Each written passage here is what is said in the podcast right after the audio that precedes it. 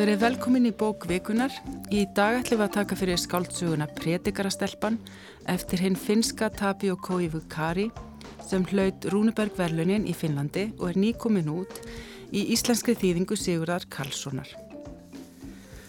Tapio Koivu Kari er bæði þýðandi og rítumundur. Hann hefur þýtt íslensk verk yfir á finsku og skrifa ljóð og skáltsugur. Tvær aðra skáltsugur hans hafa áður komið út á íslensku, einnig í þýðingu Sigurðar Karlssonar og kannast eflaust einhverju við þær. Árið 2009 kom út yfir hafið og í steinin. Hún gerist í lok framhaldstriðs Finnlands og Sovjetríkjana á árunum 1941 til 1944 og segir frá því hvernig finski sjómenn aðstóðuðu yngerlendinga, fólk af finskumælandi þjóðabróti í Rúslandi sem flúið hafi veldi Stalins uh, við að komast undan því að vera sendið tilbaka til Sovjetríkjana. Árið 2011 kom svo út þykk skáltsaga sem ber nafnið Ariasmann, frásaga af kvalföngurum, en hún fjallar um atbyrðið sem urð á Íslandi eða Spánverjavíinn frægu árið 1615, þar sem um 30 baskneskir kvalveðmenn voru drefnir undir fórustu Ara Magnússonar síslumanns í augri. Líkt og þessar tvær sögur mætti kalla predikarasöguna sögulega skáltsögu. Hún gerist í Finnlandi, stuttu eftir loksetni heimstyrjaldarinnar og lýsir dæmi um ákveðna trúarlega vakningu sem þá varð og uppgang spiritisma.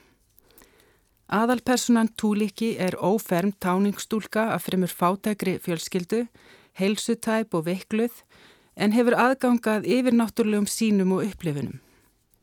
Í fyrst er það fyrst og fremst persónlega reynsla og uppljómun en eftir hún fellur í trans á meðan nágrannar er í heimsókn og hefur upp predikun mikla í andas bámanna biblíunar verður ekki aftur snúið og nýr andlegur predikari bætist í hóp fjölda annara sem vilja bóða finnum sannleikan. Við skulum heyra höfundin Tapio Kovikari lýsaði í hvernig hann fekk hugmyndina að þessu söguefni. Því ég heyrði þessa sögu þegar ég var sjálfur 15 ára. Ég hafði tekið fermingafræslu hjá finsku þjóðkirkjunni og orði fyrir svona trúarvakningu sjálfur og uh, það var svona eitt vetur að uh, við fórum eiginlega á svona halleluja flip. Og uh, pappi mín sem var vitur maður og góðhjartaður, hann sagði mér þessa sögu svona mér til viðvörunar. Að ekki, ekki trúa nú alveg öllu sem þér er sagt. Og við komumst þó setna neðar á jörðina en ég held áfram að við taka þátt í æskulistarf þjóðkirkjunar og fórsetna í guðfræði og allt svona. Og mun setna þegar ég skrifaði fyrst söguna um, um uh, manni sem smiklaði flottamönnum yfir til Svíþjóðar, yfir hafið og einni steinin sem hefur komið yfir að íslensku. Og mér var bent um annað efni um uh, líðhlaupana á setna styrjöld. og þetta er þríleikur sem er svona skuggar stríðsins og uh, þessi saga um predikara stelpuna lýsir sem sagt andlegt ást, um andlegt ástand í, á landinu eftir stríð.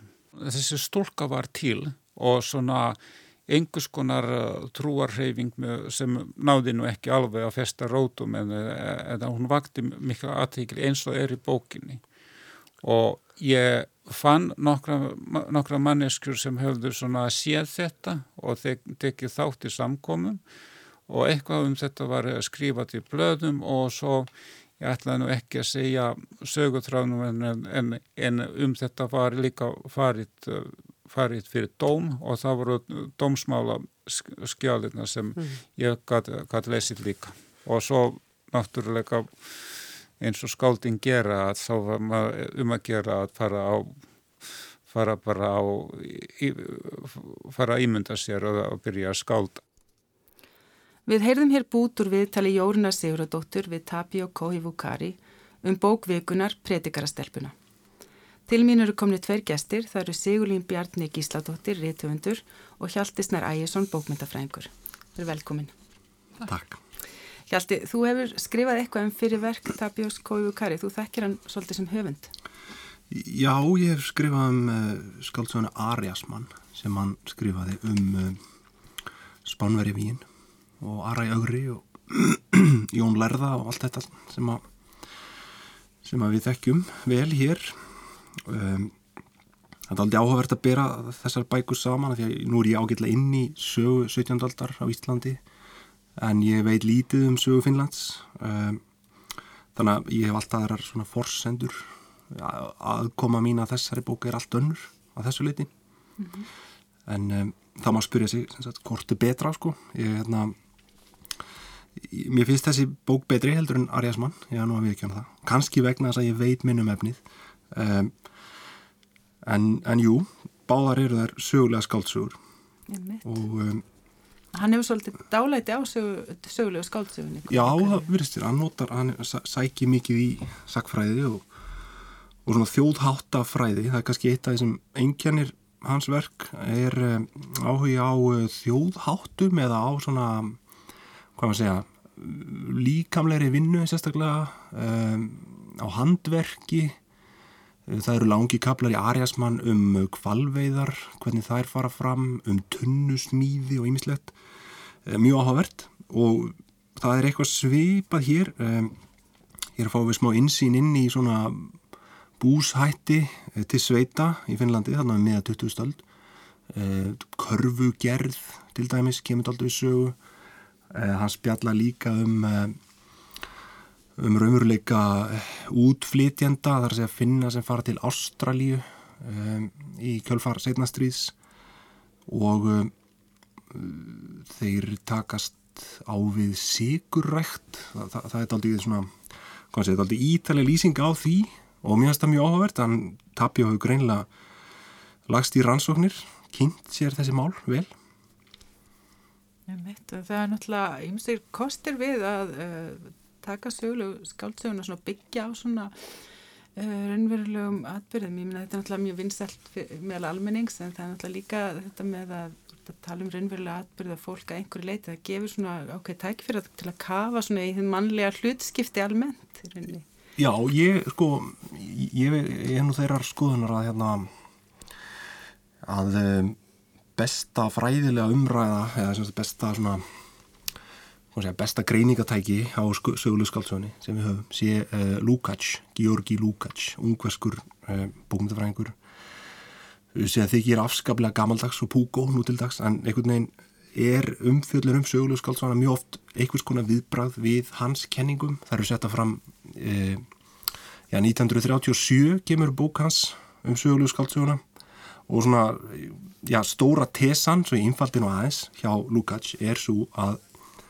að e, fram til fransku byltingarinnar Eh, og Napoleon stríðana þá hafi fólk haft tiltöla statíska sín á söguna. Sem sagt að, að veruleikin hafi bara verið nokkur neginn óbreyttur frá vögguti gravar e, fólk vann sömu störfin og svona bjó á sama stað megnið af æfinni en síðan eftir sagt, eftir Napoleon stríðin skulum við segja þá þá verður miklu meiri meðvitund um, um svona hérna sögulegu verðandi. Þar að segja að uh, lífið breytist, uh, það er söguleg þróun og uh, sögulega skaldsaðan fær þá það hlutverk að takast á við þessar breytingar, það er sína þá samfélag í, í þróun og personunnar í sögulegu skaldsögunni eins og Lukács lýsir henni eru þá fulltrúar tiltekina stjetta sem finna fyrir þessum breytingum á eigin skinni. Það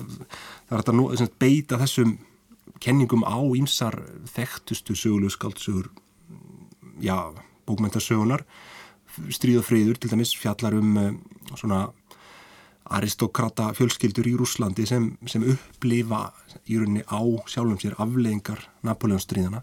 Sama má segja um uh, til dæmis uh, Margaret Mitchell uh, á hverfanda kveli, Gone with the Wind það er, það er saga um það hvernig svona yfirstjæta fólk í Suðuríkunum uh, þarf að takast á við breytanveruleika og það er kannski hægt að beita þessum kenningum á Tapio líka. Hann er hér að spá í, eða er að skrifa um eftir strísárin, um þann veruleika sem blasir við í Finnlandi eftir setni heimstyröld og eh, eitt í viðbót sem er kannski e, svolítið viðlóðandi sögulegu skaldsöguna er að það er mjög oft sjónarhorn já, smælingjans eða eða svona þeirra sem eru ekki alveg í brennidepli sögunar það, það væri kannski furðulegt að skrifa skáld, sögulega skáldsögu um setni heimstyrilduna og hafa Hitler eða Churchill sem aðalpersonur. Þeir eru einfallega of svona involveraðir í atbyrðina frekar að þá að velja einhvern veginn alþýði fólk eða ja, venjulegt fólk en ekki að sleppa og þann, þannig það sem Tapio gerir hér og uh, Finnland. Þetta eru, þetta eru líka svona finskar þjóðarbókmentir í einhvern skilningi og það geti nú spila stóra rullu í því okkur hann fekk til dæmis Rúniberg velunin sem eru að ég held virtustu bókmyndavelun finna eða minnskosti eina af þeim virtustu. Um, það er þetta með um, heimsenda heimsenda spátumar koma hér við sögu. Predikar Stelpan, Túlíki hún er uh, tala svolítið á þessum nótum sem sagt, heimsendir er í nánd yðrist og, og það er auðvöld að setja þetta í samhengi við kaldastriðið við um, kjarnorkóknina og það er gert í sögunni. Og ég minnst þetta mjög svona elegant leið að þessu efni. Það er náttúrulega margir sem að heyra túlíki predika sem fara strax að tengja við. Já, setja í þetta samhengi, sko. í samhengi... Allir séu í alvörunni það brjálæðir að þeir muni fara að sprengja. Já, akkurat, sko. Þetta, þau tengja þetta saman, sko. Annað, svona, annað söguleg stórviðburður, já, eitt söguleg stórviðburður sem kemur hérna við sögu er stopnun Ísraelsríkis 1948. Sagan sem sagt gerist að mestuliti árið 1949 og og einhverjum svona heit trúðum á þessum tíma finnst einhver lógik í því að nú sé Ísrael komið heim endanlega og þetta sé þá einhvers konar loka punktur sögunar. Það kann vel að vera að, að tapja og byggja þetta á einhverjum einhverju umræðu sem var í gangi á þessum tíma. Mm. Uh, Sigurlín, ég veit að þú, þú lagðist beinleins í lestur á fyrirverkum Gói Bukari fyrir þennan þátt. Uh, þegar maður les svona nokkur verk höfundar í beit, þá lítur maður að fá ákveðna tilfinningu fyrir höfundarenginum. Hvernig Já, var stýnst tilfinning svona við að lesa þetta allt í einum reik? Þetta var mjög skemmtilegt. Ég er um eitt, alveg samanlega því sem ég held að segja, þetta er um eitt svona þessi fátæki maður sem að er að reyna að uh, fá betra líf. Það er svona þema í þessu vald og valdleysi. Og uh, það er auðvitað standa kannski svolítið sér þessar bækur sem gerast í Finnlandi yfir hafið og í steinin og svo núna Predikarstelpan og svo, svo hins vegar Ariasmann og ég er samanlega, mér finnst þessi nýja bók betri. Og ég er eindirverðið viðkynna, ég þekk ekki þessi fræði alveg um sögulegskaldsögun en ég hef sjálf átt í óslulega erfiðu sambandi við sögulegskaldsögun og mér finnst, finnast oft svona skáldsögur ekki nógu skemmtilegar og það er oft svona eins og sé verið að reyna að tróða inn svo miklum upplýsingum að, að sagfræðin tekur, tekur yfir og kostnað skaldskaparins og ég fann stundum vera þannig í Ariasmann en samt líka byrja virðingu fyrir þessar miklu vinnu sem er á bakvið að þessa teksta alla, allar þessar bækur. Það er greinlega mikil vinna hann á bakvið og svona elja og vera að grafa upp svona uh, upplýsingar sem hefur verið að bera borð fyrir okkur. En mér fannst í predikarstelpunni kannski líka í mitt af því að ég þekk ekki fórsöguna, mér fannst vera meiri skaldskapur svona meira já, eitthvað svona sköpun og þróttur, ef maður getur sagt. Það er svona einmitt. það er nokkuð til í því. En við komum stundst að því þegar líður á frásögnina og túliki leggur á stað í ferðalag að breyða út fagnæðarerindið að ekki aðeins þá morar allt í svona viðlíka spámunum og sértróðsöfnum heldur er fjöldi fólks til í að nýta sér þessa nýju bylgu til að hagnast og hikar ekki við að misnota börn og unlinga í þeim tilgangi. Og það er meðal annars tala um söfnu sem mistir með börnum og en það er líka áhugavert að mamman vera, hún hefur tekið þátt í einhverjum samkomum sem verðast fyrst og fremst tækifæri til að eiga sælustundir sem annars eru bannaðar. Um, en En um leið og að fréttist af predikunum túlíki þá byrtast minnstakusti tveir kallar sem eru til í að hafa umsjón með henni og stýra því hvernig hún beitir kröftum sínum. Og þá má náttúrulega lesa ákveðna fordæmingu úr, í verkinu á uh, slíka gróðastarsumi og misnótkun. En uh, hvað var þar upplifanir og hegðun og mótíf túlíki sjálfar, uh, þá er ekki kannski tekinni augljós afstæða.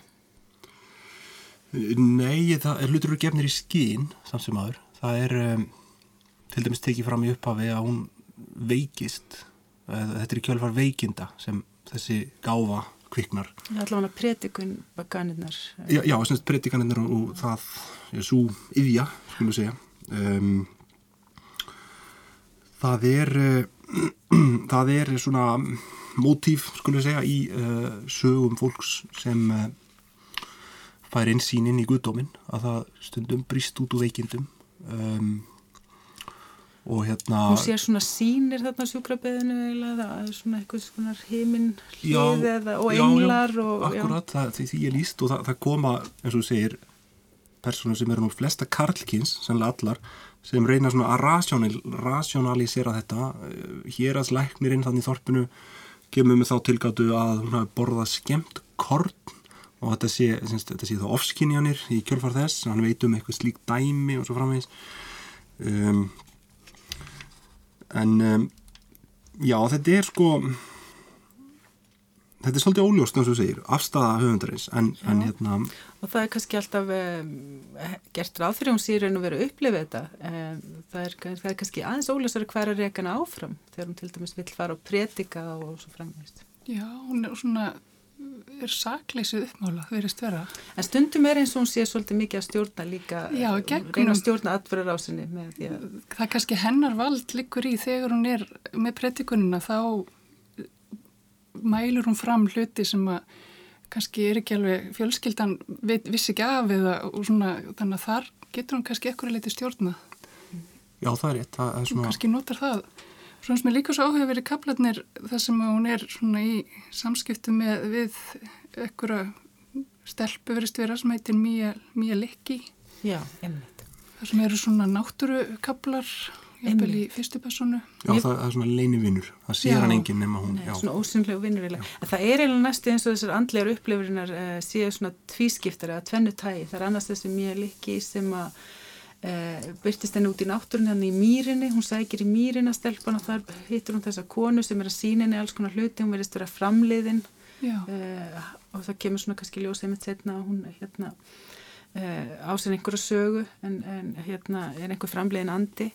Og þar upplifur hún svona ákveðna sínir líki náttúrunni eða einhverju svona á svona einhverju ákveðna andlegar upplifuna þar. En síðan er það þessir upplifinu sem hún á þegar- í gegnum veikindin eiginlega og þetta með predikanina þetta er svolítið Mér finnst svolítið skemmtilegt að tefla þessi tvenni fram að því að þetta er, þetta er svona þessi vilda náttúra, þetta rými sem hún á sér, enga rými svolítið í náttúrunni, sem leita sér skjóls, en svo er aftur líka þessi sterka svona biblíuhefð, mm. kristna hefð. já, og þetta blandast náttúrulega allt svolítið saman Já, já, Já, það gerir það. Og hún, hún er ekki með sjálfrið sér þegar hún fær ekki að fara út í náttúruna. Það kemur, á einu tímpunkti er, er henni bannað að fara, sko, og þá sjáum við að hún er svona vangbrotin svolítið og þá er henni gerur hún þarna vissa uppreist, þannig ekki að uppljóstur alveg hvernig þetta fyrir fram, en það er eitt sem ég vildi kannski nefna í þessu samingi sem er það að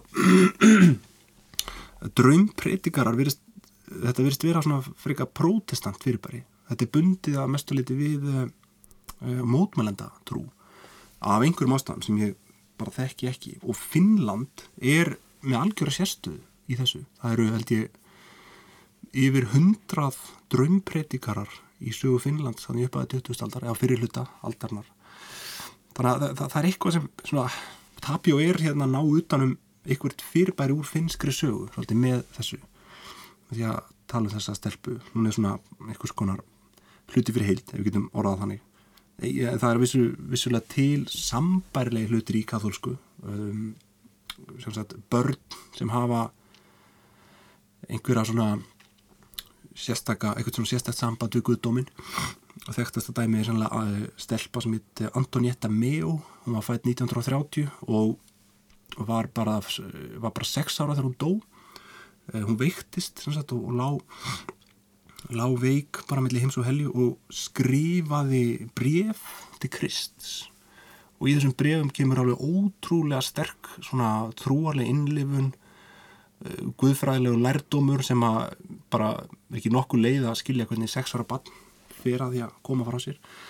Og þetta er semst, uh, já, yngsti dýrlingurinn sem katholska kirkjan hefur uh, viðkjönd en, en það, það sem ég er að fara er, er sko að svona, hvað segja, populær kristindómur hefur alltaf einhverja skýrskotun og, og, og á öllum tímum sko, það, það er líka dálítið talað um það í bókinni að Túliki hefur rosalegt aðdráttarafl. Um, prestarnir þarna í þorpinu þeir og formaður, safnaðanemdar þeir eru öfundsjúkir því að henni tekst að smala til sín miklu starri hópum heldur en koma nokkuð tíman í messu í kirkjunni hún náttúrulega er með kannski svona svolítið sérstakann uh, tón í predikunum, það breytist alveg tótni náttúrulega þegar hún byrjar að predika og við skulum kannski fá dæmi um slíka senu í upplæstri höfundarins Dúriki steig fram, gekk að jártrúminu til að leggjast út af og sagði storska eftir öðrum sálmi hraðið ykkur sálir.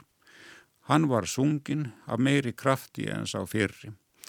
Undir sögnum lagðist Dúriki á bakið í rúminu, let sig fatta þannig að hárið breytist yfir kottan eins og rauður blæfangur, tók með höndunum um jártrörin í rúnstoknum og lokaði augunum.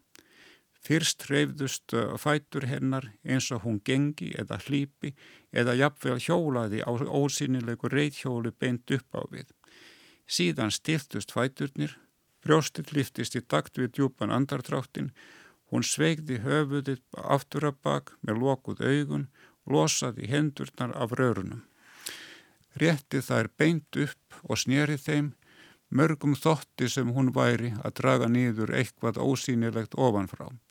Eftir það begði hún hendurna aftur með únlýðina þannig að festist eh, mörgum sem það sáu í minni og síðan hóf hún að dala kreinilegri, kirlátri röttum. Við heyrðum hér Tapio Kovjukari lesa upp úr bókvikunar, predikarastelpunni, þar sem túliki fellur í trans og hefur upp raust sína. Erindi hennar snýst um yfirvofandi heimsendi og verðist oft vella beint upp úr biblíunni sem Túliki hefur lesið í þaula og inn á milli koma svo litli spádómar um fólk í nánasta umhverfi sem verða til að styrkja fólk í trúni á bóðskapin almennt og trúverðuleika predikarans. Hjá mér eru Sigurlín Bjarni Gísladóttir og Hjalti Snær Ægjesson. Um, það er að nóg að taka einn ekki þetta. Þetta er svona mikil samsuða andleira hræringa og hugmynda. Já og það, og það er, maður spyr sig sko hvað hérna, eins og ég segi, af hverju gerist þetta þarna á þessum tíma? Akkur koma drömbreytikara fram í Finnlandi um 1950 um, það, það er gaman að veltaði fyrir sig sko hvernig um, hýði yfir náttúrulega getur verið um, sögulega skýlirt það, það er einhvern veginn, það hljóta að vera einhverja aðstæði til staðar uh, sem sagt mér, hvað gerst, hvað myndi gerast ef þetta kemi í dag það, það er til dæmis Já, það er þetta að nefna hér eh, skáltsuga til Guðrunu Efi Mínarudóttur sem heitir Englarík, kom fyrir þreymur árum. Mm -hmm. um, mér flög hún svona í hug þegar ég las þessa. Já, það, það er svona spurningin, stóra spurningin er hvernig, hvernig myndir svona trúar híti passa inn í Íslands samfélag dagsins í dag. Og um, sem sagt, það, það er... Um, Þetta er svolítið framhandlegt. Það er mikil trúar þorsti í fólkinu. Það kemur náttúrulega líka margi koma til að sjá, bara eru forvitnir, þetta verðist mhm. vera eitthvað svona förðu síning, en svo er líka alveg lýsingar á svona að fólk... Já, hún náði til fólks. Hún næri til fólks, já. Já, þetta er, þetta er bæði afþreng og líka svona raunverulegt. Já, kannski... það eru ekki að vera eitthvað upplaust, svona óvisa, það er náttúrulega ofsalega skrítnar aðstæðar eftir stríð, stríð er alltaf undarleg. Já, og það er einhver svona jafnvel tengingu við svona sirkuskultúr svona alþýðu skemmtanir og það, það er náttúrulega líka það sem kirkjan og svona kirkjustofnunin hefur út á þetta setja þetta er of skemmtilegt Var kannski sirkusin til á sökum tíma? Já, já, þetta er svona minnst þetta ná aftur í sirkushefð 19. aldar. Þetta er svolítið svipa fyrirbæri og uh, fólk vil sjá kraftaverk kemur fram ekstra í bókin það er einhver þörf náttúrulega hlýtur að vera fyrst að Já. þetta er svona ábáslega sterk sterk reyfing en uh, ef við snúmum græðis að sögupersonum þá er túlíki náttúrulega svo sem allt snýst um en við fáum líka svolítið góðan bakgrunn og einsýn í aðrar personur þá aðalega fjölskylduna.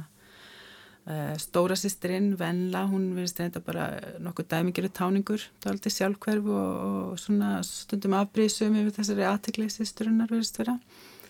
En mamman vera, hún er floknari týpa hún hefur kannski svona svolítið neikvæðar hliðar, hún er sínt sem kannski aldrei hégomleg en hún vill meira en hún hefur en hún hefði líka þurft að sætta sig við líf sem var ekki það sem hún vildi eða það sem hún held hún myndi fá.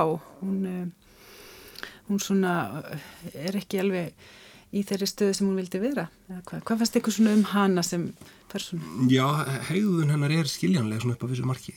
Og hún, hún gerir vissulega mjög slæma hluti og hérna lætu glepjast. Það er gróða vonin sko. Meina, þau, þau sem sagt sapna ölmusum á meðan stelpann breytikar og það kemur það einn að þetta er bara frábært tekjulind og hún getur keft sér kápu og útvarp og alls konar munað sem, sem hún gæti ekki áður. Og hérna en sem sagt, já hún er svona hvað maður segja, það er ekki bara græðkin sem veldur hjá mömmunni, heldur líka einhvers konar uh, sektakent eða evasemtir um þá leið sem hún valdi. Uh, við fáum að vita aðeins um fyrri samband hennar. Uh, hún sem sagt í rauninu velur eiginmann sinn út úr neyð. Hún, hún verður ólétt og hérna vill ekki vill ekki vera útskúfuð. Það er rauninu, má segja að almenningsálitið og ótti við útskúfun, Þa, það er svona þetta spila vissa rullu í þessari orsakakeðju hjá mömmunni og, og svona ákveðin áhrifaldur á það hvers vegna hún tekur þessar ákvarðanir. Nefnt, hún verður svolítið uh, hún ítir svona öllu svolítið inn á kannski uh, brautir uh, bæði græðki og svo í kjölfarið ákveðna misnótkunar að á þessum hæfileikum það að hún svona hleypir eh, gráðum öflum að Já. til að reyna að misnóta þetta, þetta þessa krafta dótturinnar í rauninni. Hva, hvernig upplifið þú henni þegar sem persónu? Já, mér fannst þarna, mér finnst þetta svona svo skiljalegt að vilja nýja kápu og þetta er svo eðlilegt. En þetta þegar þú ert bláfátt eitthvað. Já, mér finnst svolítið vera svona, kannski eins og virtistur eins og að hún væri dæmt fyrir það en hún er um eitt hún er svolítið flókin persóna og, og ef maður skoður hana hvernig hún er í lok sögunar þá, þá er svolítið breytt mynd og, og það verða þarna viss átök á milli þeirra, túlíki og, og móðurinnar og túlíki neyðir hennar sem til að skila okkur hlut veit ekki hvað mikið maður má segja. En hún er svona eiginlega bara böguð hún dæmir eiginlega með mig svona mjög hart. Uh, en hérna hún verður böguð. En samt í lokin þá kemur nú samt í ljós hún er kannski tilbúin aftur að fara aftur í, í sama ferlið mamma. reyndar, og það, það er reyndar e, verður svona kannski það sem að gera gæfi munir fyrir túlíki þegar að, að mamman verðist tilbúin að aftur. Að Já, hún, eins og hún læri ekki af mistökum sínum. Og það er eiginlega kannski það, það Það er frágangssök, bústaflega. en uh, við höldum áfram að tala þessum uh, hérna, uh, sögpersonar, þá er það einn ein, predikari, Sigurd Sigvonin, hann er, kemur hérna fram, hann er einn af þeim sem vil nýta sér þessa krafta, hann er eins konar tækifæri sinni, hann er bæði húsamálari og predikari og hann dúkar svona upp og sínir fjölskyttunni leið til að græða peninga á þessu. Þess að fá þess að efna til samskota í lok predikana en það er hann sem að vera vill líka fá til að hjálpa sér þá til að uh, stýra aðeins uh, þessu mætti og hérna leita til hans. Hvað fannst ykkur um hans sögupersonu? Hann verður svolítið kannski einhliða svona íllmenni sögunar eða hvað?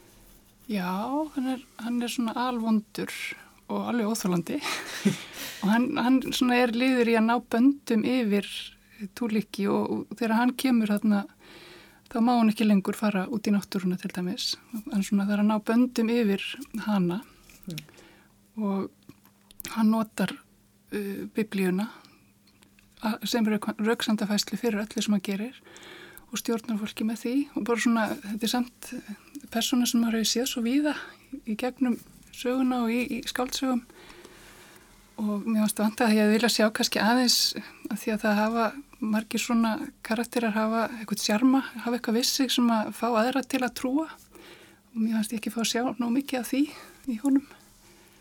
En það, hana, það er yfirlegt já, það er hafa það er bara því miður þannig að þeir sem eru svona siðplindir trúar ofstækismenn sem bara eru út um allt og þannig að þeir hafa líka eitthvað ofsalega mikið sjarma og sannfergakraft og þannig að Já, ég tek undir þetta Sívonin er algjörlega viðstykkilegur maður og, og svona ekkit á fátt sér til málspóta um, en við þurfum samt að hafa það í huga hann svona spilar inn á ákveðna væntingar hjá samfélaginu. Þar segja að túliki í stelpan er ekki fermt og þetta er samfélag sem gerir ráð fyrir svona ofinberri kristindómsfræðslu þetta er einhvers konar mandómsvísla og já, fólk kennst í fullorina manna tölu þegar það er búið að fermast. Og uh, það er auðvitað ótækt að ófermt stúlka uh, haldi fjöldasamkomur og bóði guðsorð þannig að einhver þarf að stýra henni. Það er svona kannski já þetta er svona hann fætt tölvöld svigrum út á þetta skulum við segja. Það er samfélagi verður þá í einhverjum skilningi meðsekt í þessum glæpum. Algjörlega og það er náttúrulega pappin og mamman eru náttúrulega alveg ótrúlega svona viljug til að láta hann já, taka yfir. Já, ég meina að þetta er bara samfélagslegt norm, skilur við. Það, er, þau eru ekki svo, þetta er ekki bara það að þau séu svo vittlaus eða bláið, heldur er þetta bara það sem fólk gerir. Það þarf að stýra börnum í átt að réttum kristindómi hérna ekki að slepa. En það er líka náttúrulega kannski skýringin er líka kannski sálfræðilega þannig að eins og til dæmis pappin Júsi Hænunen sem að lætur yfir sig ganga, hann er náttúrulega einn af þeim sem tók þátt í stríðinu og er þar með uh, svona mjög traumatíska reynslu að baki því ekki nómið það hann sé svona eins og flestir þarna kallarna sem hafa verið í stríðinu þegar eiga svona einhvern reynslu heim sem bara þeir geta einhvern veginn talað um. En þá uh, er hann mjög markaður af því að hann hérna fekk tauga áfall í raun á vývellinum og þurfti að fara á geðspítala. Og þar fær hann svona ramagsmeðferð, það er svona sjokkmeðferð þannig að sem hefur náttúrulega ræðilega áhrif á hann. Hann eiginlega bara endur á því að hann þorir ekki annað en að vera heilbriður hann er svo rættur við þessa meðferðir þannig verður eiginlega líst. Já. og hérna hann náttúrulega eftir það er hann líka litin hotni og sem skrítin sko af því að hann hérna fær, er, hefur verið laðurinn á geðspítila þannig að hann er það búið eiginlega svona að drepa svolítið niður hjá honum uh, svona kannski bæði sjálfströst og sjálfsálit og þú veist hann er bara svona mjög langt niður í samfélagstíðanum. Já, hann er, þetta er mjög írónísk persóna, hann er alltaf kallaður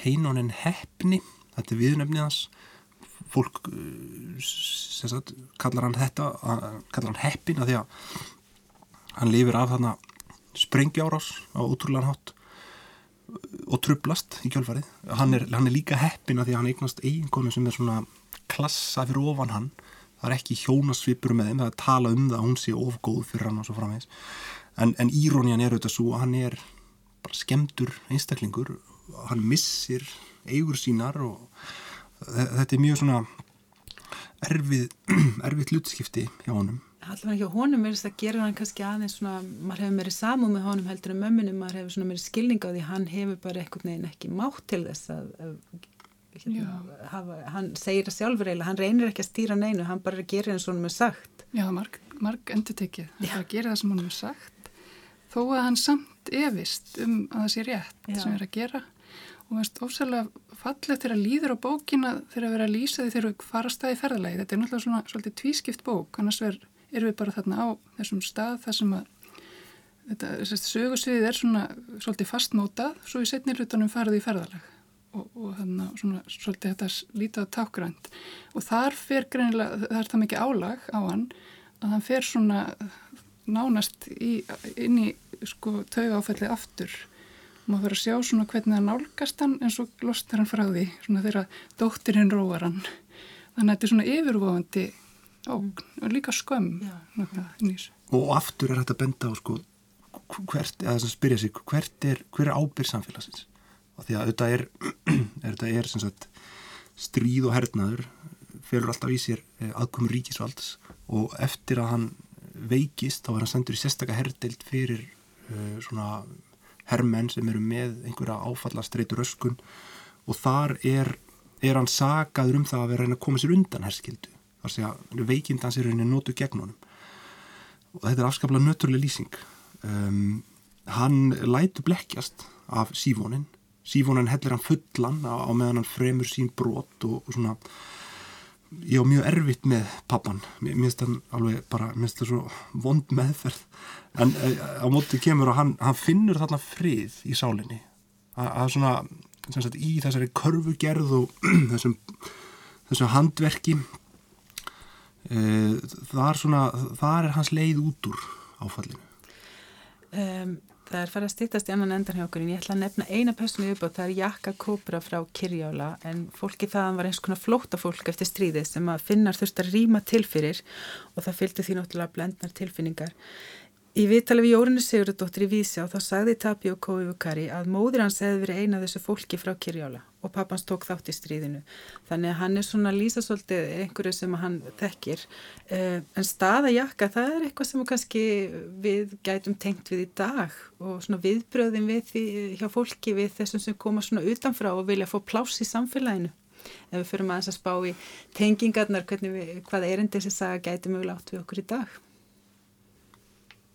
Já, já þetta er þetta, e, það bæði þessari bók og líka yfir hafið og í steinin, þá erum við alltaf þegar er stríð, náttúrulega bara almennt, e, þá erum við alltaf með landsvæði og við erum með fólk og, og þetta raskast bara allt í stríði og, og þarna er fólk sem hefur bara þurft að flýja heimkynni sinn og er heimilislust og, og þau þurfa að fá nýtt landsvæði.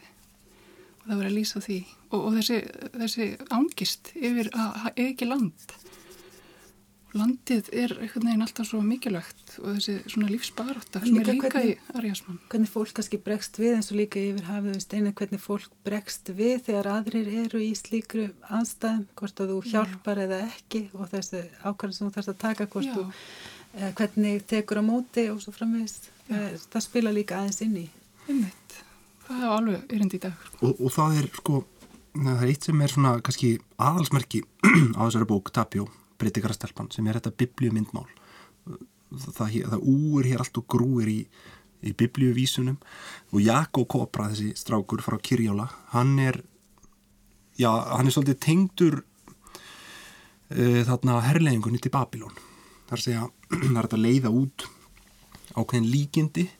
Um, hann eh, er um, eins og Ísrael í Babilón uh, það kemur þetta guðlausa stórveldi Babilón eða Sovjetríkin sönglausa vestrið. Þetta er sko, sko stereotýpan um henn þöggla finna svona fíkona sem við þekkjum úr kveikmyndum eh, Kári Smaki, Bræðra til dæmis. Þetta er, þetta er vestur Finnland skilst mér.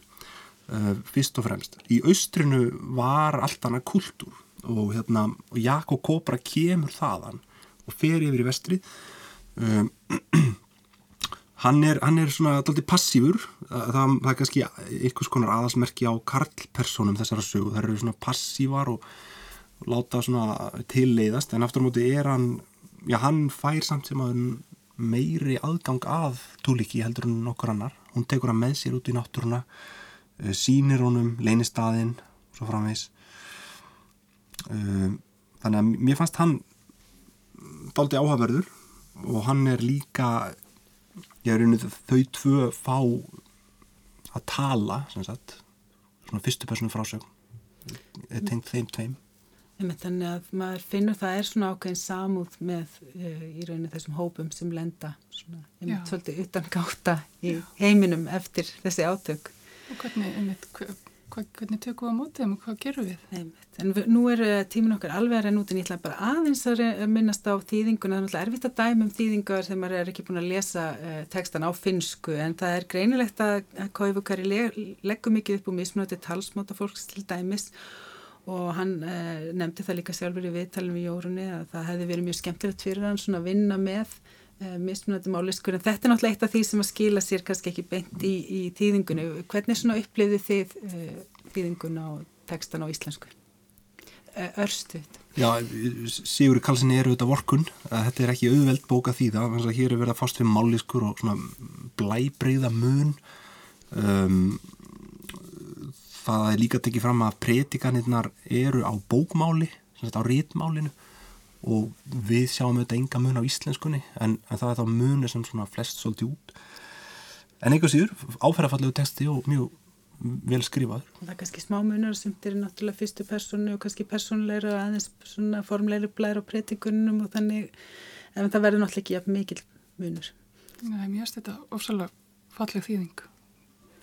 Það er nú bara ágættist loka orð held ég. Takk fyrir þetta Hjaltisnar Ægjesson og Sigurlín Bjarni Gísladóttir. Við ljúkum þá umfyllunum bók vikunar Predikarastelpuna eftir Tapio Koivukari í þýðingu Sigurðar Karlssonar. En hlustendur geta áfram nálgast við töl og upplestra tengda bók vikunar á heimasíðu þáttarins rúf.is skástrygg bóku vikunar. Verið sæl.